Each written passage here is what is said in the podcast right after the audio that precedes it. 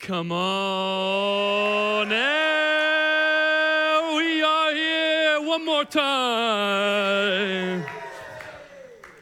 You know, uh, if you'd like, if you'd like, when, when, when I come up, when I stand here, uh, you can do this at home, you can do it wherever you are, but definitely in this room right now. If I come up and there's going to be a little bit of a cheer that happens, you need to know what that cheer brings about every single time. It's never, it's, this is called the punch the devil, uh, get ready to preach. Uh, that's, that's what that's called. And, and uh, so if you're, if you're here, you're cheering, and then I do that, here's what I want you to do stand up and do the old punch the devil routine. Uh, okay, so next time uh, you keep that in mind. Uh, we'll see if we can get some video footage of the room uh, doing that move. Are you happy to be here right now? Come on. I'm happy to be here right now. Uh, it is so cool to be doing uh, church, to be just uh, people of God together in, in so many different spaces. I, I, have been really encouraged uh, this last while remembering that uh, God is not defeated by COVID. Amen? He's, uh, the COVID doesn't get the final say, and God is doing something fresh and new and exciting in this season. And uh, it's so, so amazing to now be in our second week of sights. That God has given us vision right now. Right now, we got vision for what God can do, what He wants to do, what He, I mean, we just sung a song, There's nothing that our God can't do. Do we believe it today? There's nothing that our God can't do. He can do anything He wants. Right now, He can change lives, He can set people free. Imagine, you know, we've all got this heart to see Vancouver Island saved and reached, and people come to know Jesus and the hope that we know in us. We all want that island to be reached, and we all have ideas of how that should happen. And we've all thought, oh, it's going to happen this way or that, or once we get a big enough church or a big enough move. What if it's right in the midst of COVID that God's like, actually, now is the time that I'm going to set people free. I'm going to give them uh, the full revelation of who I am, and they're going to know Jesus Christ, their Lord and Savior. What if it was right now? We're part of it. No, we're part of it right now. It could be in this very moment. But we're so glad that you're here. Here, we're so glad that you're here in a site wherever you are. We're so glad that you're with us online. Uh, we're a church in a, a, diverse setup at this moment. And um, if you don't know me, my name is Evan. Hello. Hello. So good to see you all.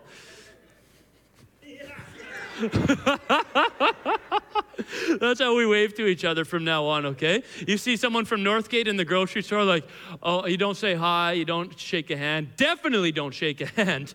Uh, no hugs, no nothing. You just walk up and just, and uh, that's it. Away we go. Uh, I probably learned that move from someone, uh, and I shouldn't have ever learned it. But uh, here we are. Life keeps going on. Okay, we're in uh, week two of something uh, series that we're calling "Set Your Sights." Set your sights. Last week we talked about this idea that God actually wants to give us a vision uh, for something beyond uh, right now, right here in this moment, what's apparent to us, but He wants to give us a vision for heaven. He wants to give us a vision for what God could do, what, the, what heaven might have in mind for us, a, a vision for something greater uh, than what COVID might tell us or what Bonnie Henry, bless her heart, isn't she amazing? Bonnie Henry's awesome, but uh, no amens, yowzers. Uh, Uh, we, we, uh, we, we, um, we're in a different season right now, but that doesn't mean that God's like, oh man, I wish COVID didn't come. But actually, He's given us vision now.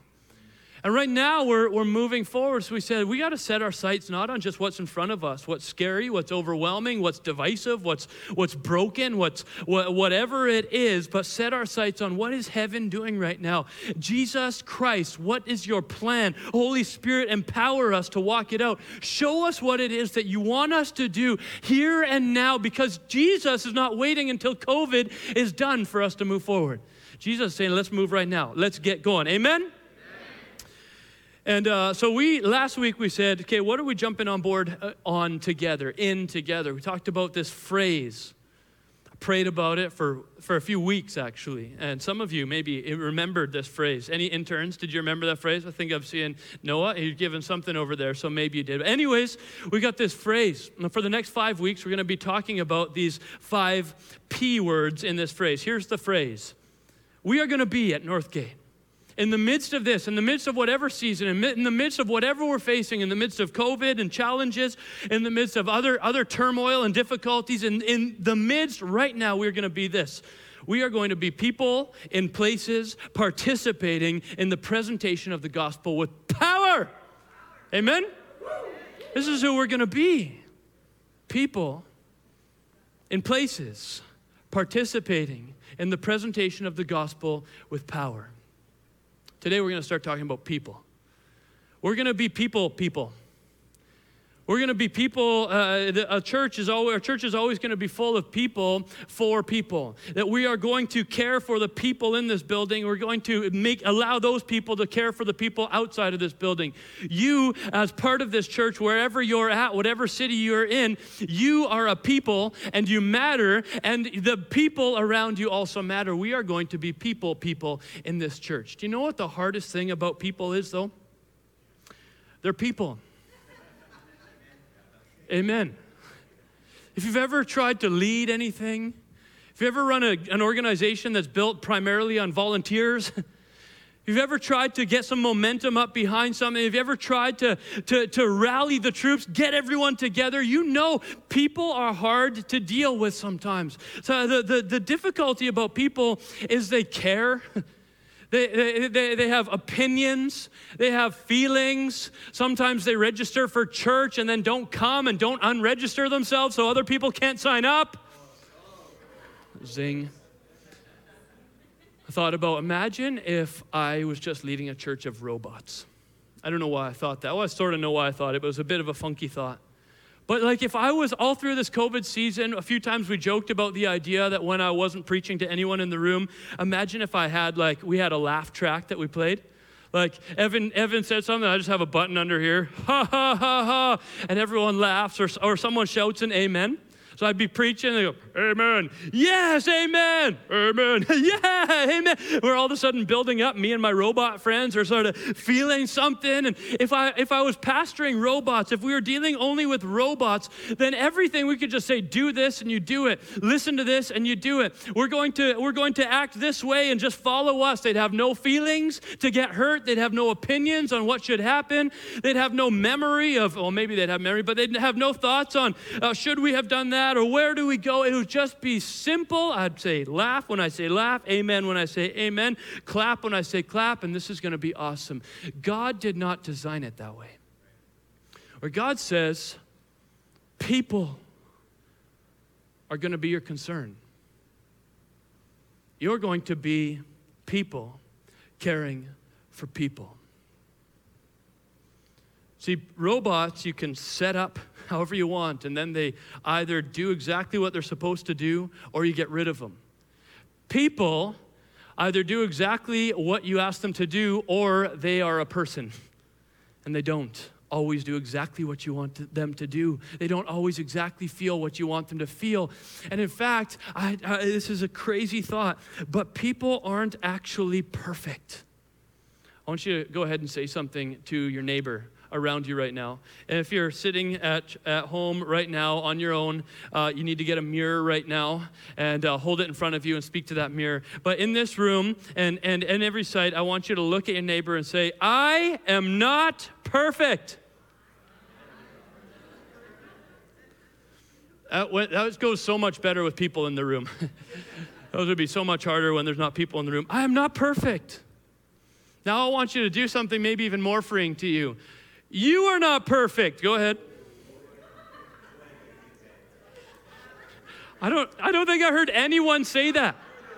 Okay, you got to try this because this might be a very freeing thing. Wherever you are right now, look at the, your neighbor, look at the person beside you. Maybe you've been wanting to say this and that's why you didn't say it. Like, was a little true, too true for me. But go ahead, and look at them and say, hey, you are not perfect. This, See, the reality is that the biggest challenge in our lives, whenever, whenever, we, uh, whenever we get into trouble with people, is when one of two things happens. Either we think we're perfect, or we think they should be perfect. Either I'm too, I'm, I'm good enough and I, and I don't, I don't need anything and I, I, am sorted and I don't, why would I worry about people? People are hard. People are challenging. People have emotions. People have uh, change their opinion on things. People uh, uh, are moved in different moments and they're in at one point and they're out at one point. Why would I ever work with people? I'm fine on my own. I am good enough. I uh, uh, am capable. I am okay. And so I don't need people. And sometimes we separate ourselves from people because we're a little too good on our own. We're okay. We don't need anyone. Or we say, we say, no, no, no, I don't mind some people in my life as long as they are awesome and perfect. As long as you don't listen, I'm gonna, I'm, I'm pretty much there. And so if you want to be part of this, you got to be with me here. Listen, as a church, we're not going to be people who are perfect, and we're not going to be people who expect perfection from others. Because the reality is, as soon as we try to be perfect, we have to start to lie. None of you are. Neither am I. I remember going to this church in Lethbridge. Uh, uh, my friend Kelly is pastor at it, and just this cool thing. I was driving up to it. It's the first time I've ever I've ever been there. They've got this massive sign on the side of the highway, and then in just like bold, massive letters, it says, "No perfect people." I love that. I'm like, I, I can fit there.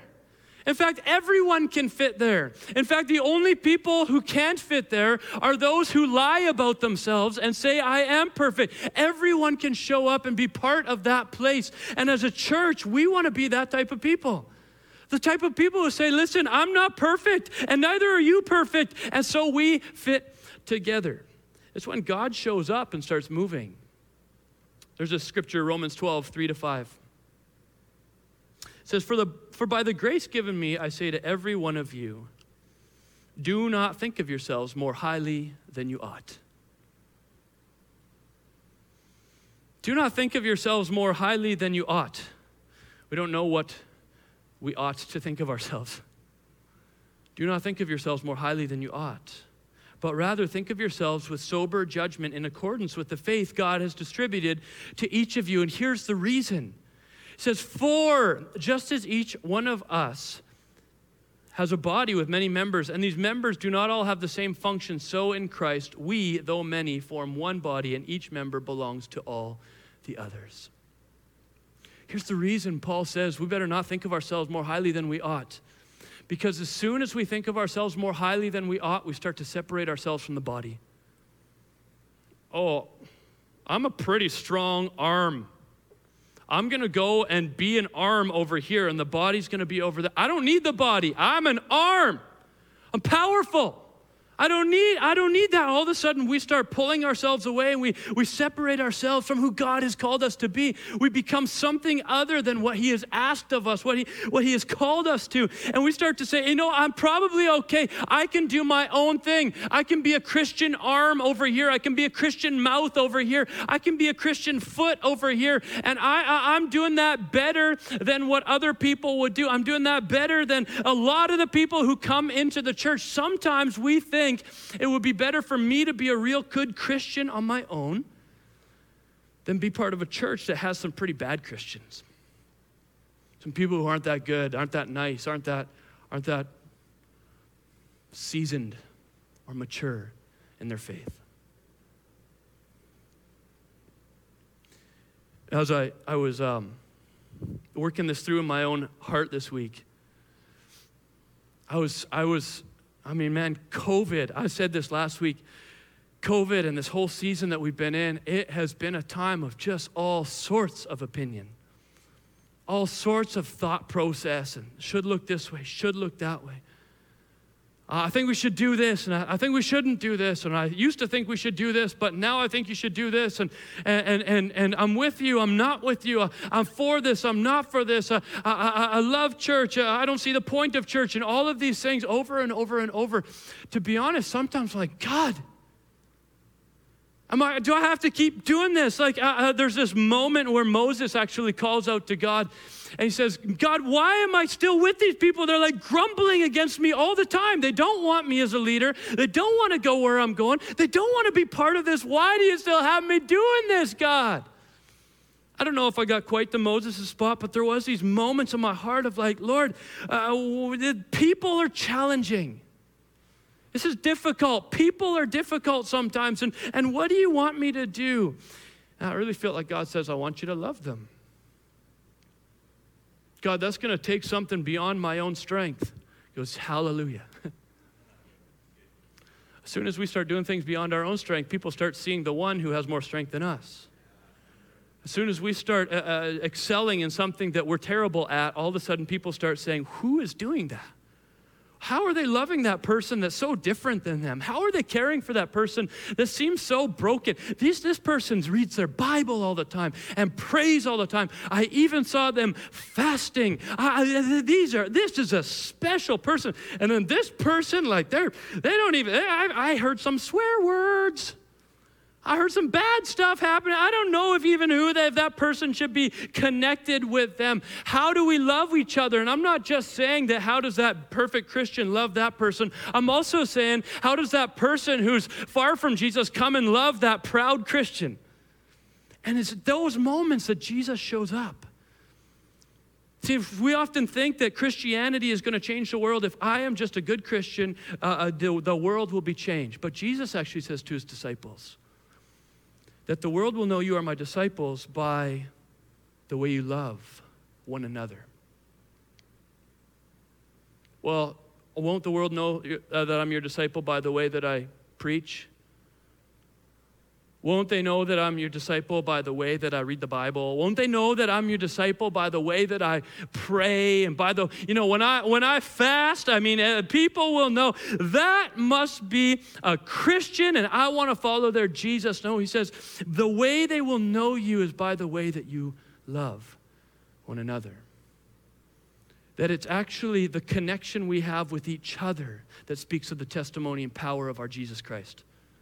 It's not just what He's done in us, it's what He's done in us to connect us to others. It's our ability to walk with multi generations. It's our ability to walk with socioeconomic statuses of all sorts of ranges. It's our ability to walk with people who have hurt us. Jesus, how should I care for people? Uh, who should I care for? How about those who have hurt you? How about those who are your enemies? What should I do with them? Pray for them. You should love them. Those who persecute you, you should love them. Well, why would I do that? Because it's at that point, not when you read your Bible and not when you pray. It's when the Bible and the prayer and the fasting have shaped you so much that you would be willing to walk with someone who's entirely different than you and forgive them when they hurt you and, and, and care for them when they don't understand you. It's at that moment that people look and say, That looks like Jesus.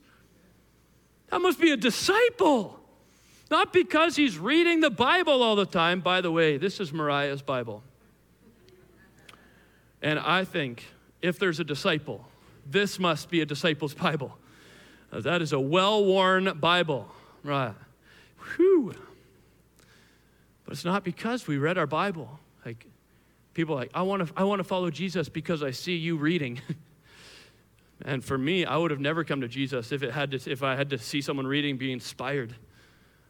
That was never inspiring to me. What's inspiring? You treat your enemy like that? Someone treats you that way and you forgive them, you love them. So, what's inspiring is when someone walks into the, a church building or church community or a small group and you've got people of differing opinions loving each other. See, the world has learned that different opinions must mean I hate you.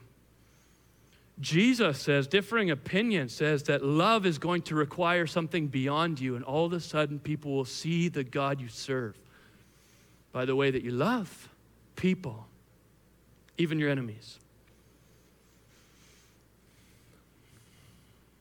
We're never going to be perfect. But sometimes we, we, we, we expect other people to be perfect. Uh, uh, Jesus never even, even, we never even become perfect. I mean, the Bible, there's this like one scripture said, be perfect as I am perfect. But what, he's, what God is saying there, follow all of these rules, and then you're going to find that you can't actually follow all of these rules, and then welcome me to enter your life and become perfection in you. See, the greatest thing that we can ever do is be a reflection of perfection. We never get to be perfection. And so we can't expect other people to be perfection. When we're going to be a church about people, when we are going to value people, that's not the people who agree with us, that's not the people who do all the right things, that's not the people who care for all the same things we care for, that's not the people who do it's the it's just people. It's those who have been made by God and carry his image in this world. That's who this church will exist for. People just people. See, the Pharisees and, and Jesus, they always battled about this. Jesus had, there's actually very few things that Jesus actually comes against the Pharisees with. But when he speaks about the woe, the seven woes to the Pharisees, he says, Listen, here's what you are. You're hypocrites, and you live under this law that keeps people from entering the kingdom, keeps people from coming to me. That's his big problem with them. And the Pharisees have this problem with Jesus. Like, Jesus, you got a problem. Here's your problem. Your problem is that you're always around the wrong people. You're, you're, like hanging out with the tax collectors and the, and the worst ones. Why are you around them? All of their fights, most of their fights, had to do with the people that they surrounded themselves. Luke 7 39 this is, this is Jesus. When, when the Pharisee who had invited him, invited Jesus, saw this, he said to himself, and this is when a girl comes into the room. She's a known, uh, uh, she's a known uh, sinful woman in the neighborhood. She comes in, she's crying and praying and, and pouring her, her, her love and her brokenness onto Jesus. And he's just sitting, letting it happen. She's wiping his feet with her tears and, and doing all this stuff. And the Pharisee saw it and he says, If this man were a prophet, Rob, I don't usually get you in the front row. Uh, Rob likes the, the, the Pharisee voice that I have. I don't know if I can do it now. if this man were a prophet, he would know who is touching him and what kind of woman she is. She is a sinner. Like, it sounds even funny to us, even just the words. She is a sinner. Like imagine you sitting around, a, you're, you're at a restaurant out in town. Someone comes over and says, "Oh hi, sinner." Like you know, it's just this is not something we do. It's a little bit different. I don't know if it's something they normally did there, probably. But anyways, Jesus is sitting there. It's an awkward moment. Tears are on his feet. He's there. She's washing them off, and all this stuff's going on. And the Pharisees like, he is not very smart. He must not be a prophet because he doesn't even know she's a sinner. And I'm not going to go, go. I'm not going to get into it. And and uh, she, they were offended. That Jesus would let a, a, dirty woman, a sinful woman, a broken woman, a known sinner in the community come that close to him and make him dirty as well. Likely make him dirty in the same way. She shows up and Jesus just goes, This is great. In fact, if you read this, kept reading the story, he'd tell all this, all this stuff about how she's actually discovering salvation. The Pharisees know her, yes. And we all say, well, that wouldn't be me. Anyone's welcome to Jesus. Anyone can come on in, it's all good. She's like, she's rude, actually. she's rudely loving on Jesus. Like, Jesus, what is your favorite rule in the Bible? Ah! And she just comes in and starts crying on him. And Jesus like, don't mind her. This is my beloved child. I care for her. And in fact, right now, if we're going to define church in this moment, it's me and this woman are doing church. And whatever's going on here is not that. Jesus was about people. The Pharisees didn't like that. Mark 2, verse 16 says, When the teacher of the teachers of the law who were Pharisees saw him eating with the sinners and tax collectors, they asked his disciples, why does he eat with tax, tax collectors and sinners? Okay, I'm, I'm all done with that. Why does he eat with tax collectors and sinners? That's their biggest problem. Uh, if there's, if there's two things that they don't like about Jesus, he, he breaks the rules, maybe three things. He calls himself God, and he spends time with the wrong people. That's the problem with Jesus. And I got to tell you that there are many Christians who are very much this way still today. I, I can't imagine you would let that person in your building. I can't imagine you would, you would have fellowship with that type of person. I can't imagine they would be allowed in that space in your life, walking with you. I can't imagine imagine that person is allowed there. And I'll tell you what, the world looks on and says, I don't think I want that religion, whoever that Jesus is, who doesn't like so many people. And then we look in the Bible and say, oh, that's not Jesus at all. That's the Pharisees who don't like all these people. It's the Pharisees who say, Jesus, you have the wrong person at this party. We were testing you. We put this prostitute outside and, and she came in and you didn't even know you must not be a prophet. And Jesus says, No, I'm showing you a new way to love people and care for people. They don't have to be the same as you. They don't have to think the same as you. They don't have to look the same as you. They don't have to say the same things as you. And in fact, when that person all of a sudden starts to discover relationship with you, they may see a Jesus that they never would have through your judgment and correction. We're going to be about people. Jesus spent time with prostitutes. Some of you are like, man, that is offensive. Don't say that. It's just Jesus. Spent time with Samaritans.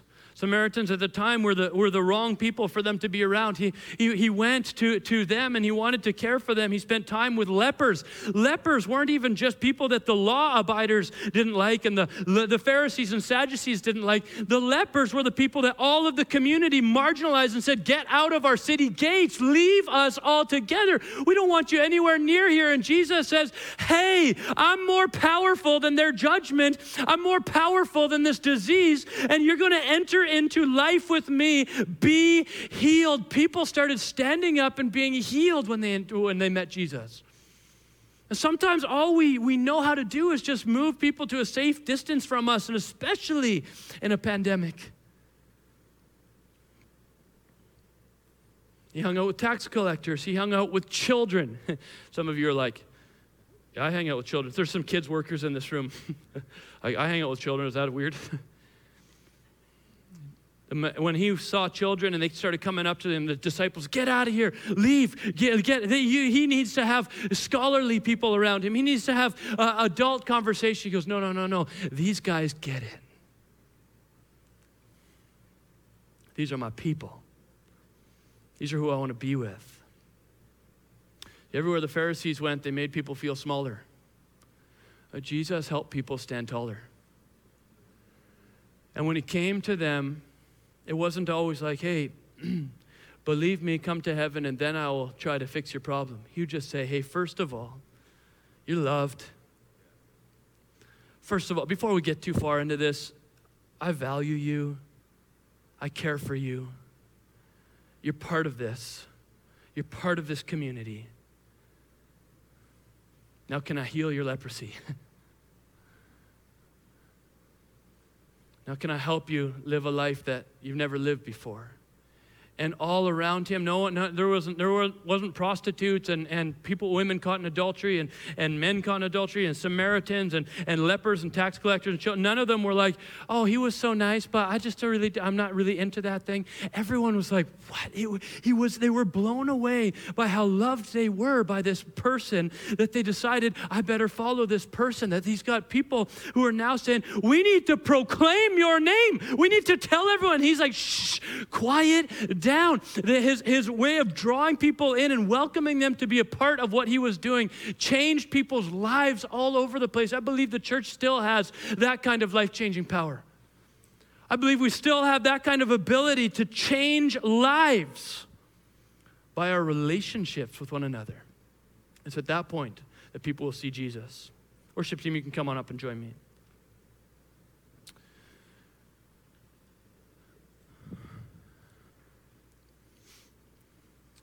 You know, in this season, you may you may not be in a spot where you're like, oh, I'm too. I don't think anyone's probably going to say, I'm too good. No one gets to come near me. I'm doing my own Christian thing. Well, sometimes, sometimes in a season like this, when we've we've gone for seven or eight months, being online and walking that way, and some of you online is working better for you. Some of you need to have that experience. Some of you, uh, because of health issues, should continue to walk that. Some of you are outside of a city that we have a site and, and online is working really well. But for some of us, online has become this, uh, this insulating force in our lives. We said, I've, I've heard a lot of people say, you know what? I, I, I'm really good. Like, I like doing church in my jammies. Who doesn't? Hallelujah. I, li- I, I kind of like it in my living room. I'm actually finding it's pretty comfy and it's pretty good for me. When we're t- speaking vision as a church, I want you to know something. My job is not to help you do what is comfy for you. My job is to compel you towards the vision of Jesus Christ that others may come to know him. Some of us said, I'm okay without the rest of the church because some of them, they didn't think like me, anyways. Ah, we kind of disagreed on some portions of the Bible, so I don't really know if that was my church anyway, or uh, whatever it might be. And, uh, you know, it's been kind of nice just being around people who think exactly like me and do exactly what I do and, and behave exactly what I We've all got matching jammies. I've always wanted matching jammies with everyone at church.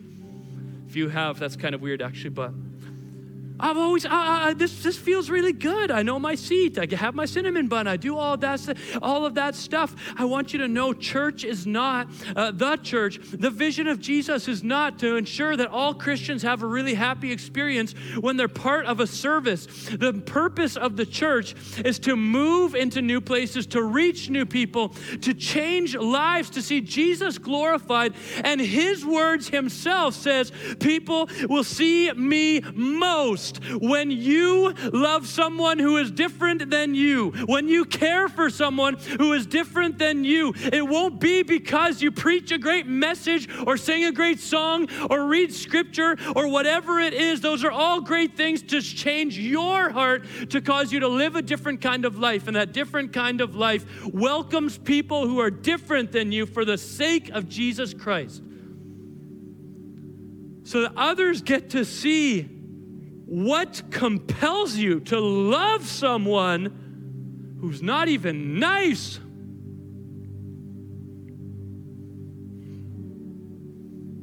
Jesus.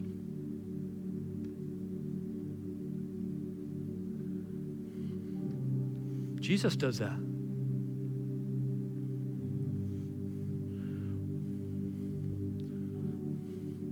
I got to tell you, as a pastor, these honest moments, people are challenging. and they're not perfect. And some of them can be downright rude, hurtful, can turn their back on you. Some of them even feel like enemies. Which is why Jesus said,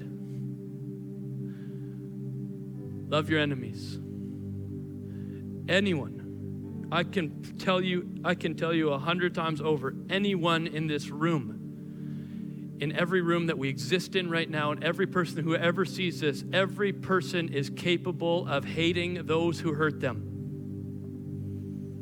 Who are the ones who are capable of loving those who hurt them?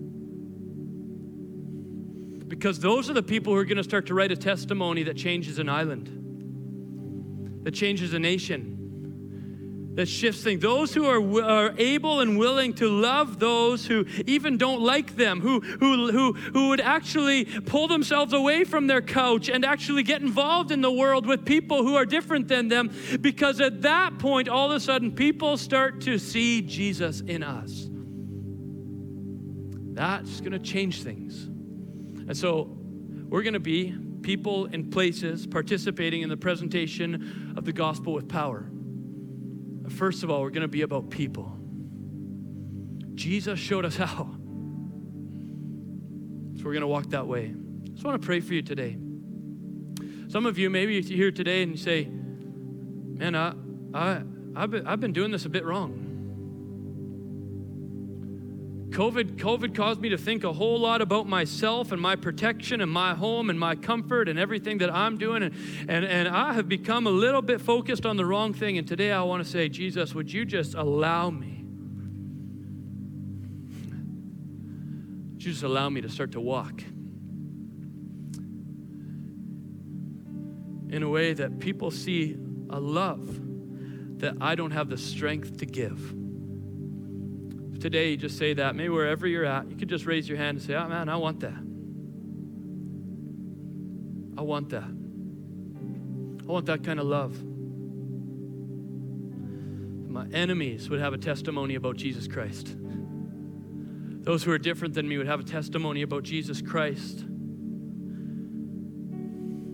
those who I have a past beef with would have a testimony of Jesus Christ. Lord, I just pray that every person who's saying with their hand, Lord, I, I, I need that kind of love, that kind of life changing love, that kind of world changing love, that kind of love that shows up where hate is the easiest uh, response, that kind of love that shows up where correction and, and, and, and, and, and judgment are the easiest response, Lord. That kind of love that builds bridges and draws people in, that kind of love that speaks of you. God, I just pray for it, first of all, in your church, in the people who are part of Northgate, and the people who are part of the move of God on Vancouver Island. Lord, I just pray that we would love one another, that wouldn't be about who's right, who's wrong, what are you doing, how, uh, and everyone just wanting to be critical of everything and learning from the, the politicians how to do church, God, but that instead we would love one another. We are one body. A strong Christian arm still needs a hand. A, uh, an, an, ear that can hear well still needs eyes and a mouth and,